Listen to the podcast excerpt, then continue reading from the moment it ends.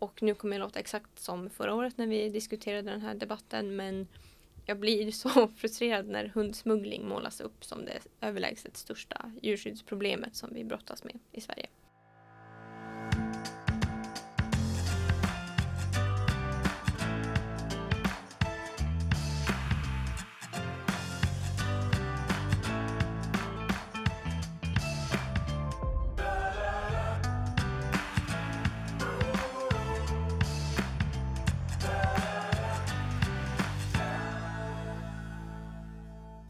Och hjärtligt välkomna till Djurens Rätts podd på Djurens Sida. Jag heter Matilda Kylefors och arbetar som politisk sakkunnig hos Djurens Rätt. Och mitt emot mig här så sitter Sebastian Wiklund, samhällspolitisk chef. och eh, tillsammans så brukar vi en gång i månaden bjuda på spaningar och fördjupningar i djurpolitiska frågor. Så genom att följa podden så kommer du få bättre koll på djurpolitik på samhällets olika nivåer. Ja, men Matilda, jag hörde att du hade varit på Liberalernas eh, riksmöte. Det stämmer bra. Där var jag i Linköping som utställare. Och eh, ja, vad är då Liberalernas riksmöte? Om vi börjar där. Det är inte en kongress där man tar fram ny politik utan syftet är rätt och slätt att eh, liksom en helg av utbildning och eh, samkväm som det heter. Och det lockar då liberaler från hela landet, medlemmar, kommunpolitiker, regionpolitiker, riksdagsledamöter, Europaparlamentariker, ministrar, tjänstepersoner och så vidare. Alla är välkomna. Och även sådana som jag då. Eh, Och jag hade en jätterolig helg. Många bra seminariepass och intressanta diskussioner och en mycket trevlig bankett som jag också var välkommen på. Var det något som berörde våra ämnen som du sa? Nej, det var inga seminariepass om, om djurpolitik direkt men, eh, men många bra. Eh, Kan, kan jag säga till lyssnarna att det brukar inte vara det. Nej. Men vi önskar det till nästa gång. Ja, precis.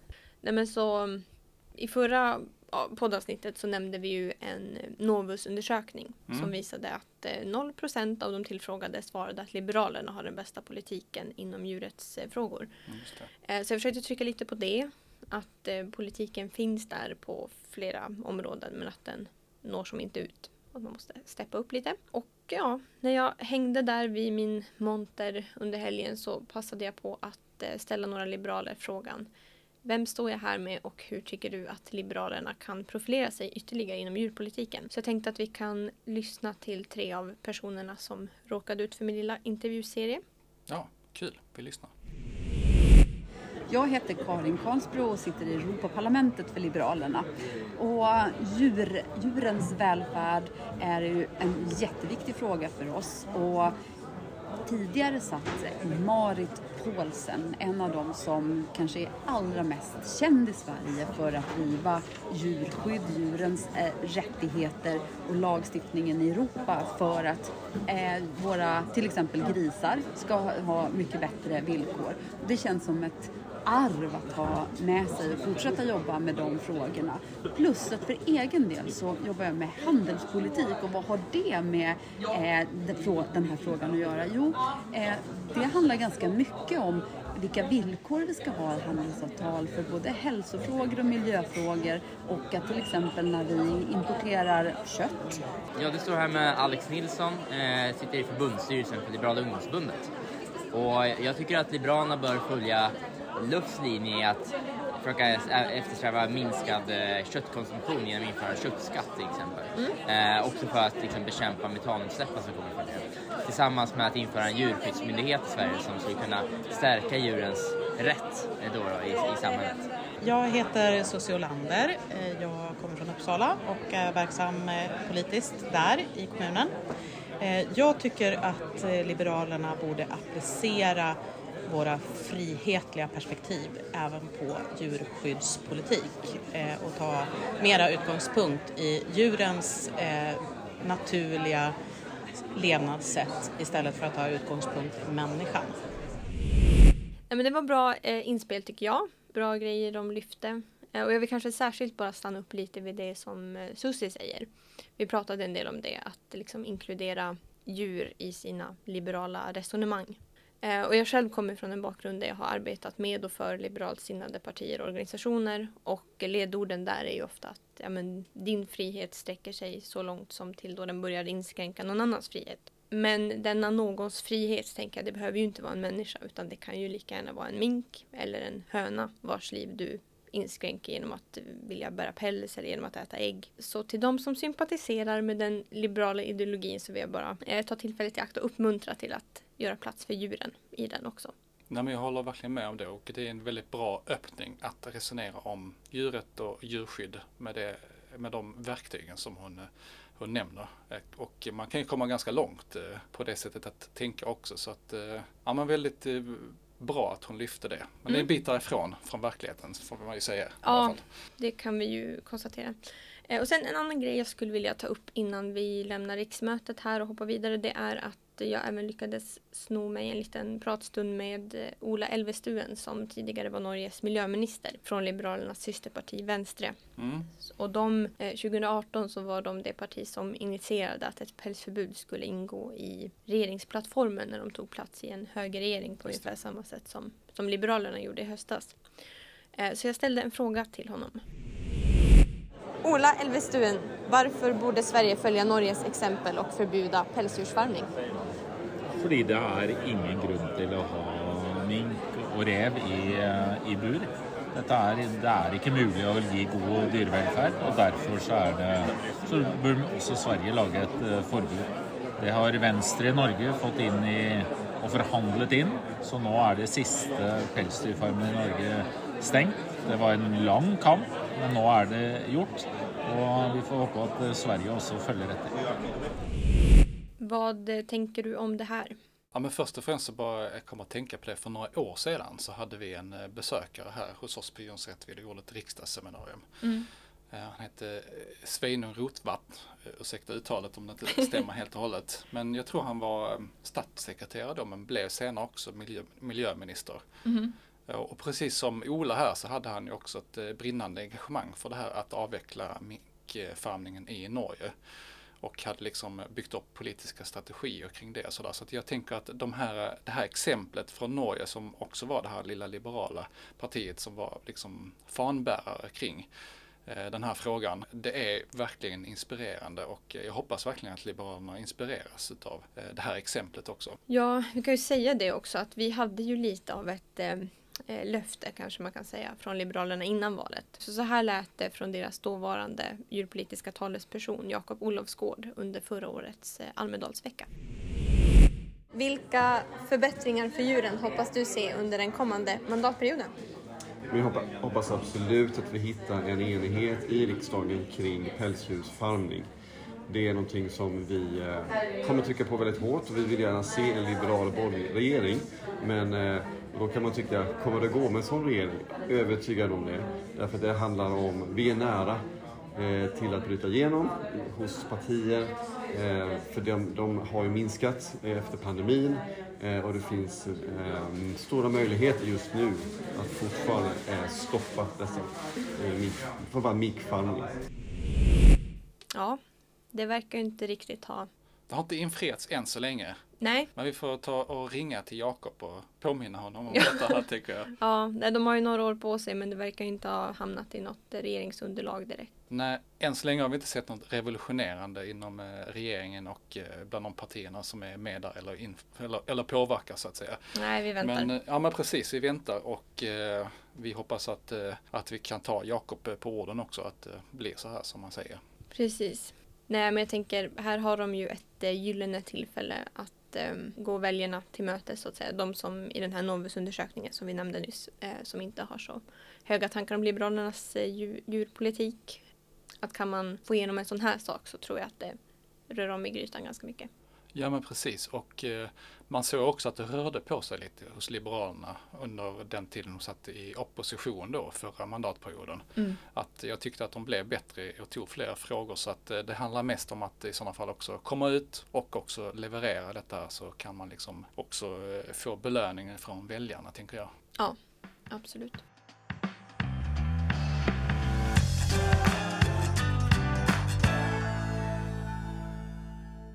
Ja, och på tal om minkar så kanske det går in lite på det du har tänkt prata om härnäst.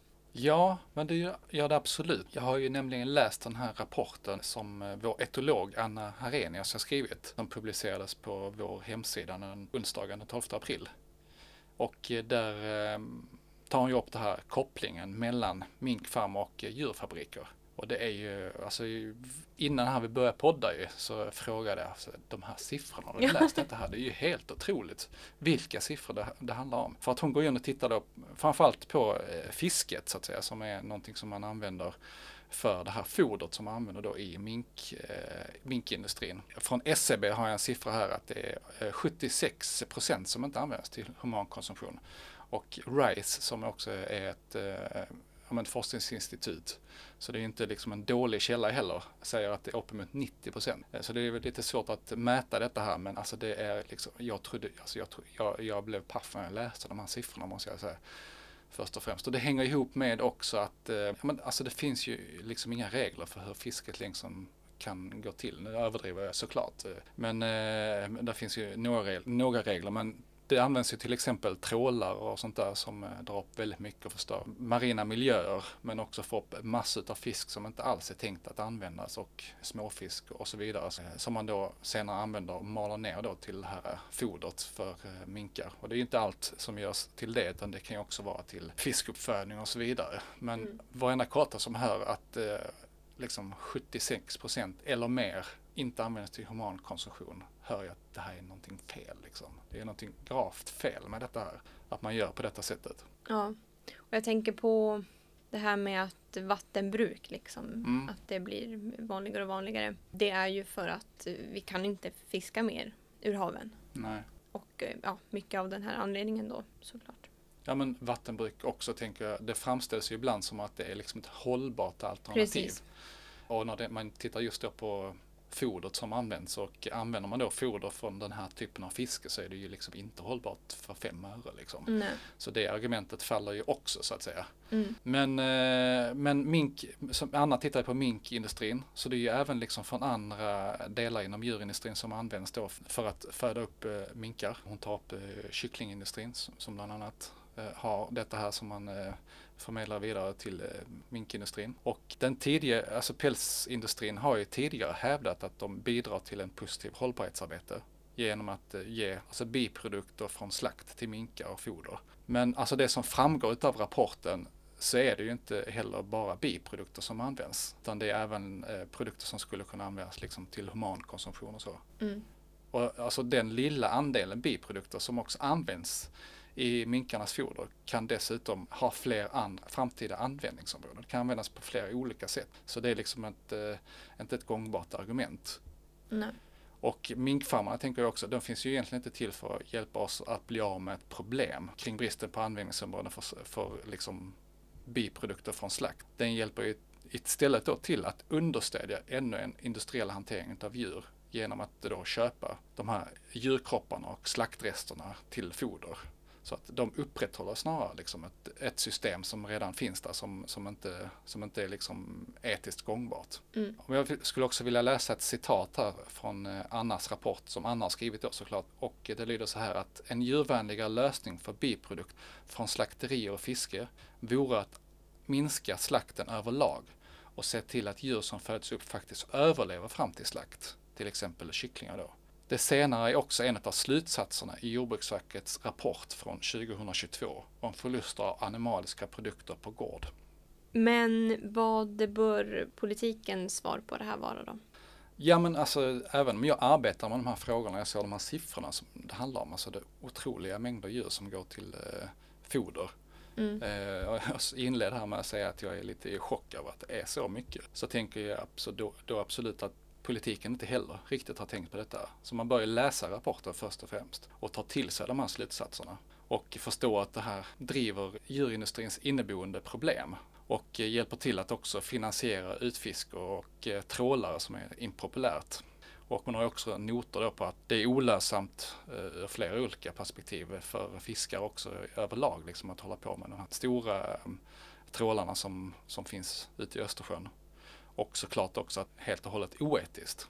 Jag tänker att um, en förhoppning kan ju vara att uh, politiken liksom tar den här rapporten till sig som ett um, argument, alltså ett miljöargument uh, också. Mm. Och inte bara ur perspektivet utan det kan ju vävas in lite varstans. Nej men precis, det är ju ett uh, helt och hållet ett Alltså rapporten visar ju det att att minkindustrin håller ihop med en andra industrier, alltså förstör stora delar av eh, miljön så att säga. Så att eh, du har helt, helt rätt i det, så hoppas det också fogas som ett argument till, eh, till politikerna. Jag vet inte, vi, vi hör ju ofta det här argumentet av att Alltså det går inte att förbjuda en industri, därför ska man inte förbjuda minkindustrin. Mm. Men det där kommer ju liksom till vägs ände till sist för varenda en människa som tänker för sig själv så att säga.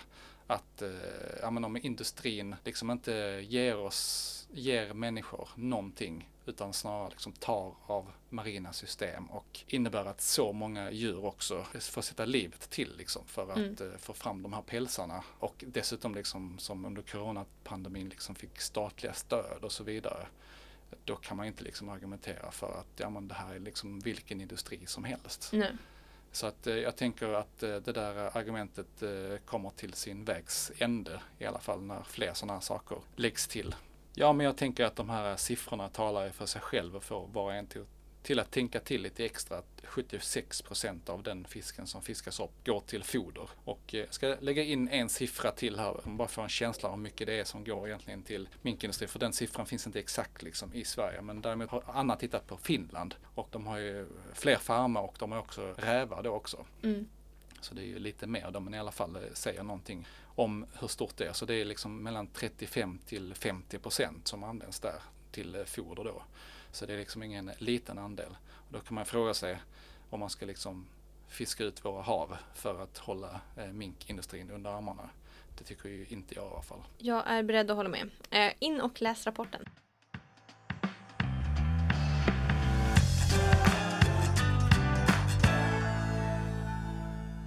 Betänkandet Djurskydd från miljö och jordbruksutskottet har behandlats här i slutet av mars och Eh, det är alltså de motioner och yrkanden som lämnades in under höstens allmänna motionstid och som rör djurskydd då, eh, som har behandlats och det görs varje år. Och i år så rörde det sig om 40 motioner som inkluderades i det här betänkandet.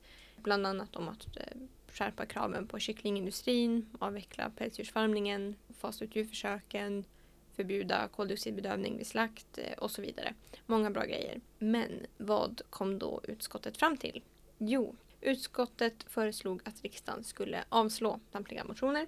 Och, vilket också var det som hände. Det, det är väntat nästan. Ja, det skulle jag säga. Det är en väldigt, väldigt liten procent av motioner som tar sig vidare. Jag ja. vet inte om det är, jag har hört 97,5 och jag har hört 99 procent alltså, som bara liksom slängs iväg. Eh, och de få grejerna som tar sig vidare, det är förmodligen sånt då som det hade gjorts någonting åt i vilket fall. Mm. Eh, så det är väldigt mycket symbolpolitik såklart, men tråkigt ändå. Det är ju frustrerande att se så många bra förslag slås ner år efter år. Så ja, även om det den här gången inte tog sig vidare några förslag så blir det ju väldigt talande och väldigt intressant att se vad riksdagsledamöterna ägnar sin tid i talarstolen åt. Och nu kommer jag låta exakt som förra året när vi diskuterade den här debatten men jag blir så frustrerad när hundsmuggling målas upp som det överlägset största djurskyddsproblemet som vi brottas med i Sverige. Det är ett stort och viktigt problem, absolut, det vill jag inte sopa under mattan. Men Marlene Lund Kopparklint från Moderaterna sa till exempel så här i ett av sina anföranden. Vi har hundvalpar som föds upp i fabriker där, tvi- där tikarna tvingas para sig för konstant valpning.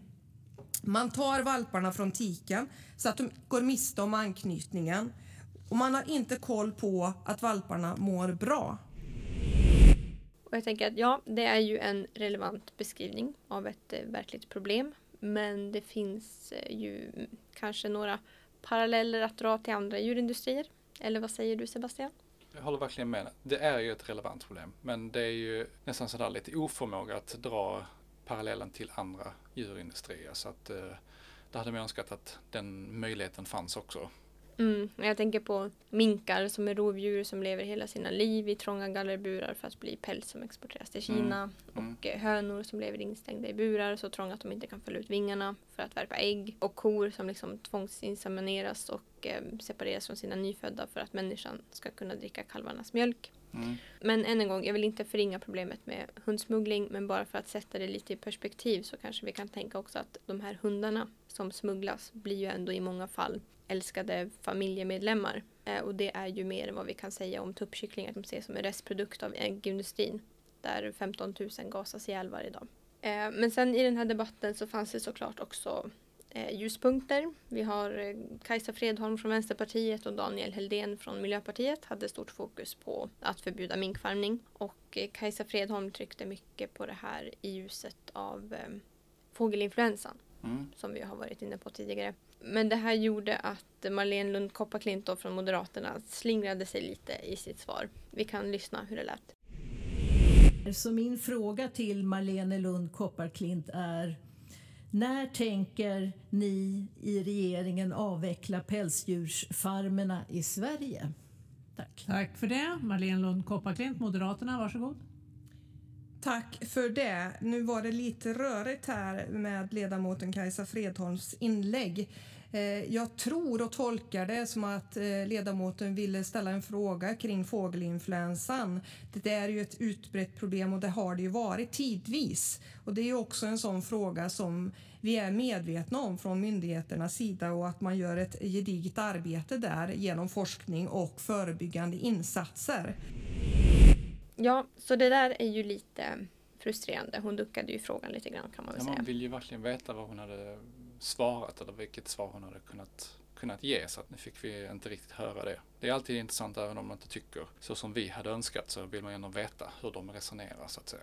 Precis. Nej, men sen tänker jag att i övrigt så tycker jag att eh, Sofia Schönbrink från Socialdemokraterna ska ha en stor eloge som gick upp i talarstolen 13 gånger, om jag räknade rätt, och la ett stort fokus vid den här utredningen om stärkt eh, konkurrenskraft för svenska livsmedelsproducenter som regeringen har tillsatt. Ja, Eh, Och den har vi pratat om tidigare i podden, eh, avsnitt 54. Och sagt att ja, men vi är skeptiska till att en del av syftet med utredningen är att jämföra Sveriges djurskydd med EUs lagstiftning på området eftersom att EUs djurskyddslagstiftning håller på att göras om.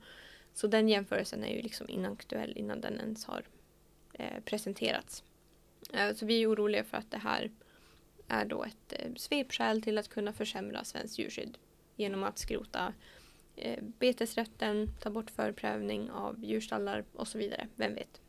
Och Sofia Schönbrink verkade då dela den här oron och var därför mån om att ställa regeringspartierna och Sverigedemokraterna mot väggen Mm. kring lite olika aspekter av den här utredningen. Allt från liksom mer allmänna frågor om avsikter och risker för försämringar till mer specifika frågor om till exempel strömedel till grisar och beteskravet. Och eh, för att det här avsnittet inte ska bli toklångt på grund av alla ljudklipp så eh, drar vi ner det rätt rejält här. Men jag tänkte att vi kunde lyssna till vad hon ändå fick eh, dem att säga. Så här kommer då först och främst en bit av svaret från Marlene Lund Kopparklint från Moderaterna. vi har ju en hög standard i Sverige som gör Eh, att vi behöver titta på den här frågan eh, och vi kan se att det finns eh, en, en vinna-vinna situation genom att stärka den här konkurrenskraften men samtidigt också kunna bibehålla eh, djurskyddet, att vi bibehåller den, det goda djurskyddet som vi har. Och som jag sa i tidigare inlägg så känner jag mig trygg med att regeringen också prioriterar eh, djurvälfärden i Sverige och vill bibehålla den. Ja, och eh, här hör vi Magnus Oskarsson från Kristdemokraterna. Tack fru talman och tack Sofia Schönnebrink för en jätteviktig fråga.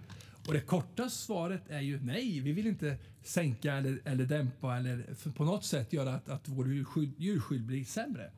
Utan det är ju så här att eh, vi vill ju tvärtom se till att vi kan ta parera detta. Här kommer en snutt från Elin Nilsson från Liberalerna. Ja, eh, Liberalerna har eh, inte på något sätt ändrat åsikt i frågan om att djurskyddet ska fortsätta vara starkt. Det ska vara på den nivån det är eller eh, stärkas. Eh, nu är ju en utredning tillsatt. Vi får ju se vad den landar i. Men, men, men min ingång och eh, Liberalernas ingång i detta är att eh, om det är någonting som ska förändras för att stärka eh, den svenska livsmedelsproduktionen eller eh, konkurrenskraft så är det inte en sänkning av de djurskyddskrav som finns. Det är snarare att, att eh, det som produceras i andra EU-länder ska möta de krav som finns i Sverige, inte tvärtom. Ja, och eh, slutligen så kommer här ett utklipp från Beatrice Timgren från regeringens stödparti Sverigedemokraterna. Eh, jag kan citera här att eh, våran ståndpunkt när det gäller eh, hur vi vill ha, öka konkurrenskraften inom EU är att eh, vi vill då genom, precis som min kollega sa, att djurskyddslagen harmoniseras inom EU genom att EU-kraven eh, skärps. Därför bör regeringen verka för att det svenska djurskyddet ska tjäna som vägledning och eh, förverkling i hela EUs djurskyddskrav. Ja, eh, det där låter ju rätt bra. Men ja, Sebastian, vad tycker vi? Synar vi bluffen? Ja, men det är ju jättebra att de eh, intygar att det här ska vara bra för djuren och att det ska leda till en bättre djurvälfärd så att säga, hela utredningen. Men eh, jag och jag förstår du också Matilda, är ju liksom skeptiska till detta här för att liksom utgångspunkten för utredningen handlar ju om att man ska se över så att säga i då eh, konkurrenskraftens namn flera delar av det som är liksom bra grejer för svensk eh, djurvälfärd. Exempelvis eh, betesrätten och eh, förprövningen som är ja, två saker som är bra inom svensk djurhållning som man måste förhålla sig till.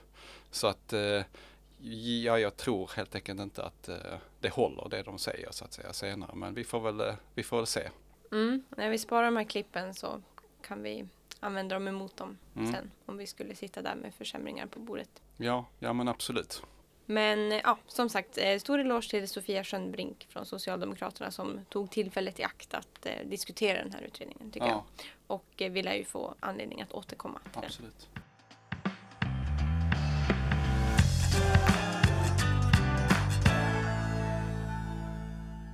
Ja, jag tänkte ta upp ett par brev som vi har skickat. Det första gäller det här CVO-mötet som ska vara i april. CVO är, är ju en Chief Veterinary Officer Eh, Eh, det finns en i varje land, åtminstone varje EU-land och i EU så samlas de också för att diskutera olika frågor som berör eh, djurvälfärd och eh, allt vad det är som, som kan vara runt om det. Och under detta här mötet då som ska vara i april så kommer man titta lite extra då på hållbarhet. Och med tanke på att Sverige är ordförandeland så är det också vår CVO som håller i det här mötet, är ordförande och det kommer vara då i Varberg.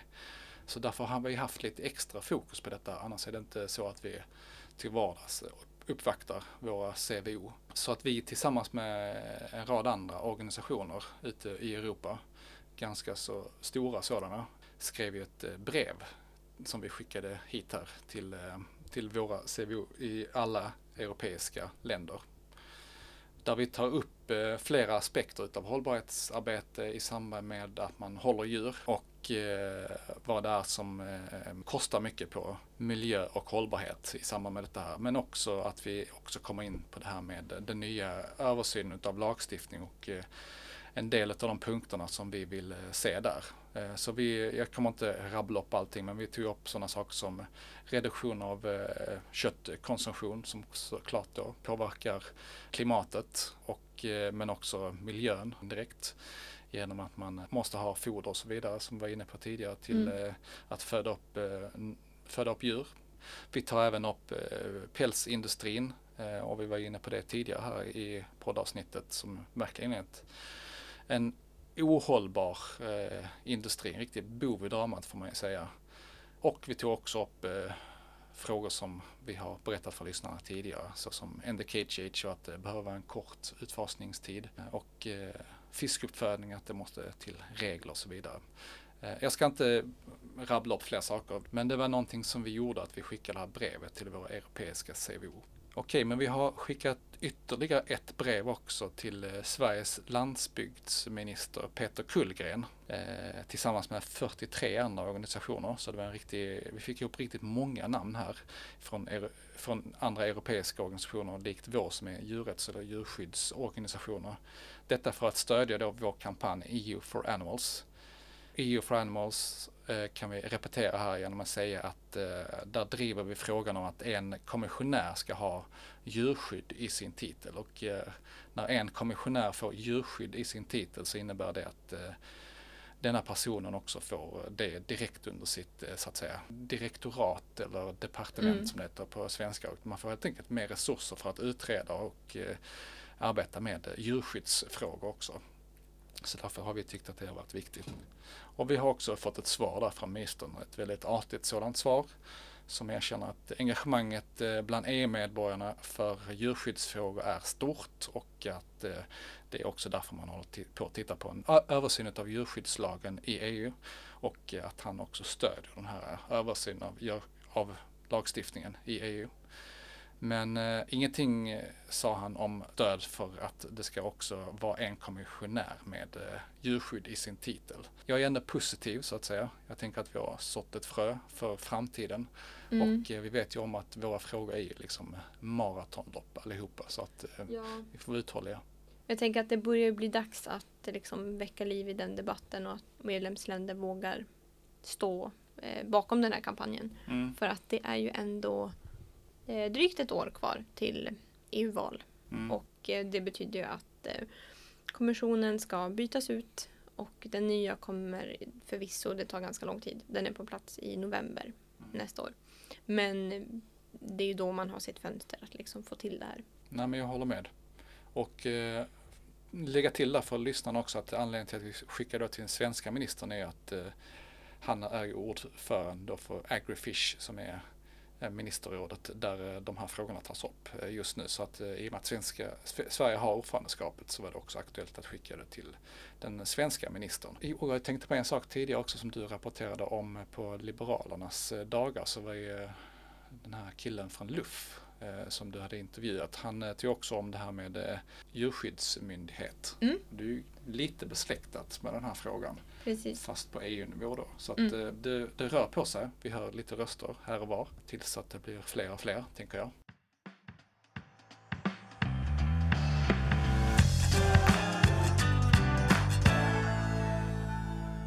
Så då, då har vi kommit fram till att vi ska bjuda in en gäst här. Det är nämligen så att vi eh, släppte Djurvänlig kommun här i veckan från Djurens Rätt och eh, vår gäst är Cecilia Mille, eller gäst eller gäst. Du är ju eh, anställd hos oss men eh, du brukar inte vara med i podden här med mig och Matilda. Cecilia, varmt välkommen! Ja men tack så mycket, kul att vara med igen. Ja men verkligen roligt att ha dig. Berätta lite om, om dig själv. Ja, jag jobbar ju som eh, sakkunnig i hållbarhetsfrågor. Så lite, med ganska bred, bred titel och brett ansvarsområde som egentligen rör hela livsmedelssystemet och, och på alla de sätt som Djurens Rätt vill påverka det. Och en del av det som jag gör det är ju den här rankingen, Djurvänlig kommun. Men om vi börjar där då och tar det eh, från början för lyssnarna. Vad är Djurvänlig kommun? Precis, det är ju Djurens Rätts eh, ranking som vi gör av alla landets kommuner varje år eh, där vi utgår från Eh, olika steg som kommunerna har tagit för att bli mer djurvänliga. Varje höst så skickar vi ut två stycken enkäter till alla kommuner. Eh, en väldigt omfattande enkät som rör kosten, alltså den all mat som kommunerna köper in och sen serverar, främst i skolor och förskolor. Eh, och att vi har så stort fokus på just maten, det är ungefär 90 procent av liksom rankingpoängsättningen. Eh, det beror ju på att det, det, berör flest djur och i störst utsträckning. Och sen då har vi också en lite mindre kompletterande enkät som rör användning av påskfjädrar, eh, fyrverkerier, hur, hur kommuner hanterar det och också åtgärder för att skydda djur vid valborgsfirande så att de inte bränns i brasorna. Ja men jättebra. Eh, du, vad har du sett då, då ibland all den här statistiken som, som du har samlat in? Eh, trender och sådär, vad, vad, vilka, är, vilka är trenderna där ute? Ja, alltså det, det som, som är lite nytt för i år, om vi börjar med den, den lite tråkiga delen, det är ju att eh, vi ser ett trendbrott när det gäller djurskyddskrav i upphandling. Alltså kommunerna kan ju när de gör sin, sin offentliga upphandling, då kan de ställa vissa djurskyddskrav eh, när de köper animalier som kött och mjölk och ägg.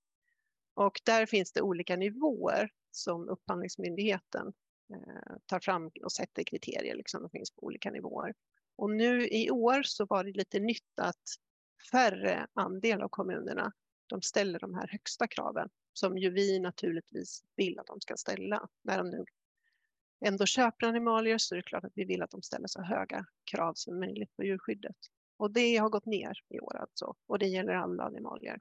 Så det, det är trist och det, det är inte en jättestor förändring. Det ligger på mellan 2 och 5 procentenheter beroende på vad det är för animalier de har köpt. Men, eh, men ändå någonting som vi ser att det här, det här behöver vi följa upp och, och eh, bryta den trenden.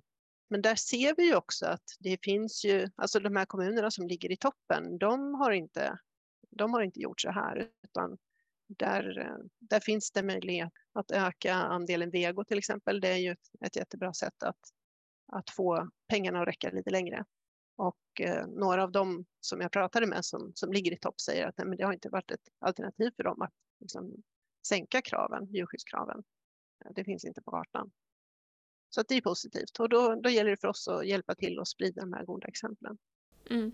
Jättebra att det finns goda exempel. Du, vad heter det, tror du att det är en hack i kurvan eller är det så att eh, alltså det här kommer liksom cementeras, de här, att man inte efterfrågar lika mycket höga krav? Ja, nej, jag tror definitivt hack i kurvan. Det tror jag, för jag, jag ser ju också att i, i de här kommentarerna att det finns en frustration kring det och, och en, en önskan att ja, men ställa så höga krav som, som systemet tillåter så att säga. Um, och vi ger oss ju inte, vi ger oss ju aldrig. Helt rätt Cecilia. Det finns väl positiva saker också du har sett i eh, djurvänlig kommun med? Ja, men absolut, självklart. Eh, det mesta är ju positivt. Och den här eh, ökade andelen växtbaserad mat, den, den trenden som vi har sett hela tiden sedan vi började det här arbetet för fem år sedan, den, den fortsätter ju. Det går bara uppåt. Så det är ju det är fantastiskt kul att se. Och i år är det Eh, nära 70 procent av kommunerna som svarar att de enbart alltså senaste året har minskat mängden kött som serveras. Och det, det är också något som, som återkommer varje år, så det minskar för varje år. Och det är ungefär var tredje kommun som svarar att de har ökat antalet eh, vegetariska dagar per vecka. De har fler veganska rätter på menyn och mer växtbaserade mejerier i matlagningen. Och också Ehm, så finns ju den här frågan är lite komplex, så jag ska försöka ta det lite i tur och ordning här. Ehm, det finns en rekommendation från Livsmedelsverket eh, som vi brukar också hänga upp det här på lite grann. Att alla skolor ska erbjuda minst en vegetarisk rätt varje dag. Alltså som alla kan ta av utan någon förbeställning, att det ska bara finnas framme så att säga. Och det här finns ju i, i nio av tio kommuner har detta i, i alla skolor, alltså grundskolor på gymnasiet. Eh, och sen är det lite färre då som har det på förskolorna och det är oftast för att det, ja, de har ett annat upplägg. De har ofta lite mindre enheter, kanske separat servering. De har inte en bufféservering utan mer karottservering. Men där har det skett en ökning i år. Eh, förra året var det 25 procent ungefär som sa att det fanns liksom vego till alla förskolebarn och nu är det 31 procent. Så det är en ganska skaplig skillnad. Sen hade vi en ny fråga. Vi har, vi har brutit ut så att säga kycklingkött i den här eh, köttfrågan för att som ju säkert många lyssnare vet så jobbar vi väldigt mycket för de som är flest och har det sämst. Så då får ju kycklingarna en väldigt en viktig, en viktig del av det arbetet. Och då är det 14 procent av svarande kommuner som säger att de har minskat på kycklingköttet i år. Så det är jättefint att se att det finns ett sådant engagemang och där har det ju precis den här veckan kommit nya kriterier från upphandlingsmyndigheterna som ska göra det lättare för, för kommunerna att välja bort turbokyckling. Jättekul att höra. Men då är vi lite nyfikna på hur det såg ut i toppen.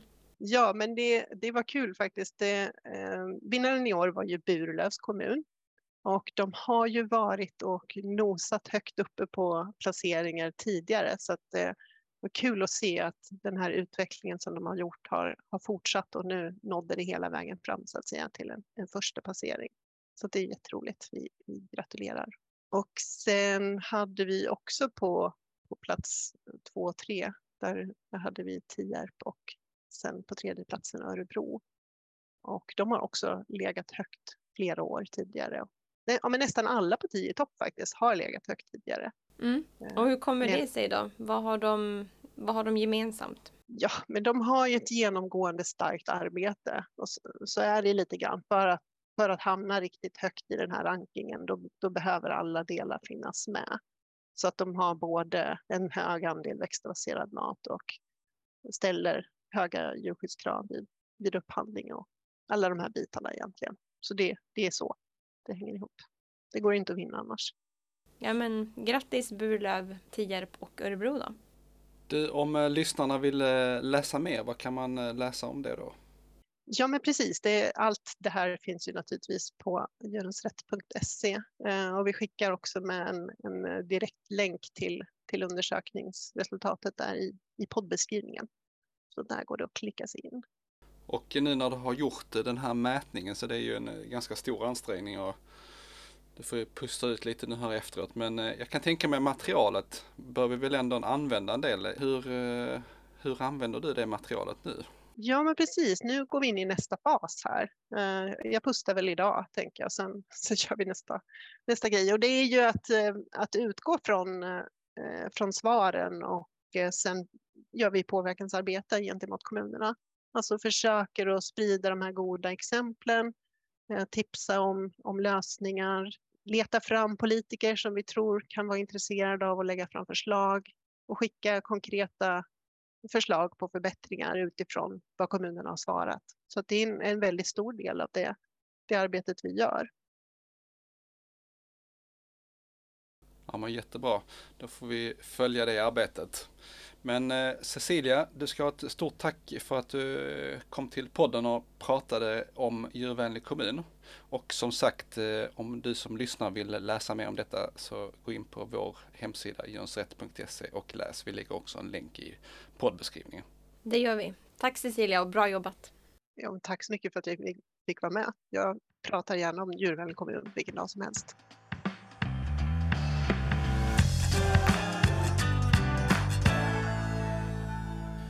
Ja, men det var allt vi hade att bjuda på idag. Gillar du vår podcast så se till att du prenumererar på podden. Då missar du aldrig när ett nytt avsnitt släpps i din poddapp. Till sist vill vi tacka dig som har lyssnat idag. Och det är tack vare våra månadsgivare som vi kan fortsätta göra skillnad för de djur som är flest och som har det sämst. Och vi behöver din hjälp mer än någonsin så gå in på www.djurensrätt.se medlem och bli månadsgivare idag. Ha det fint tills vi hörs nästa gång och tack för att du står på djurens sida. Hej då! Hej då!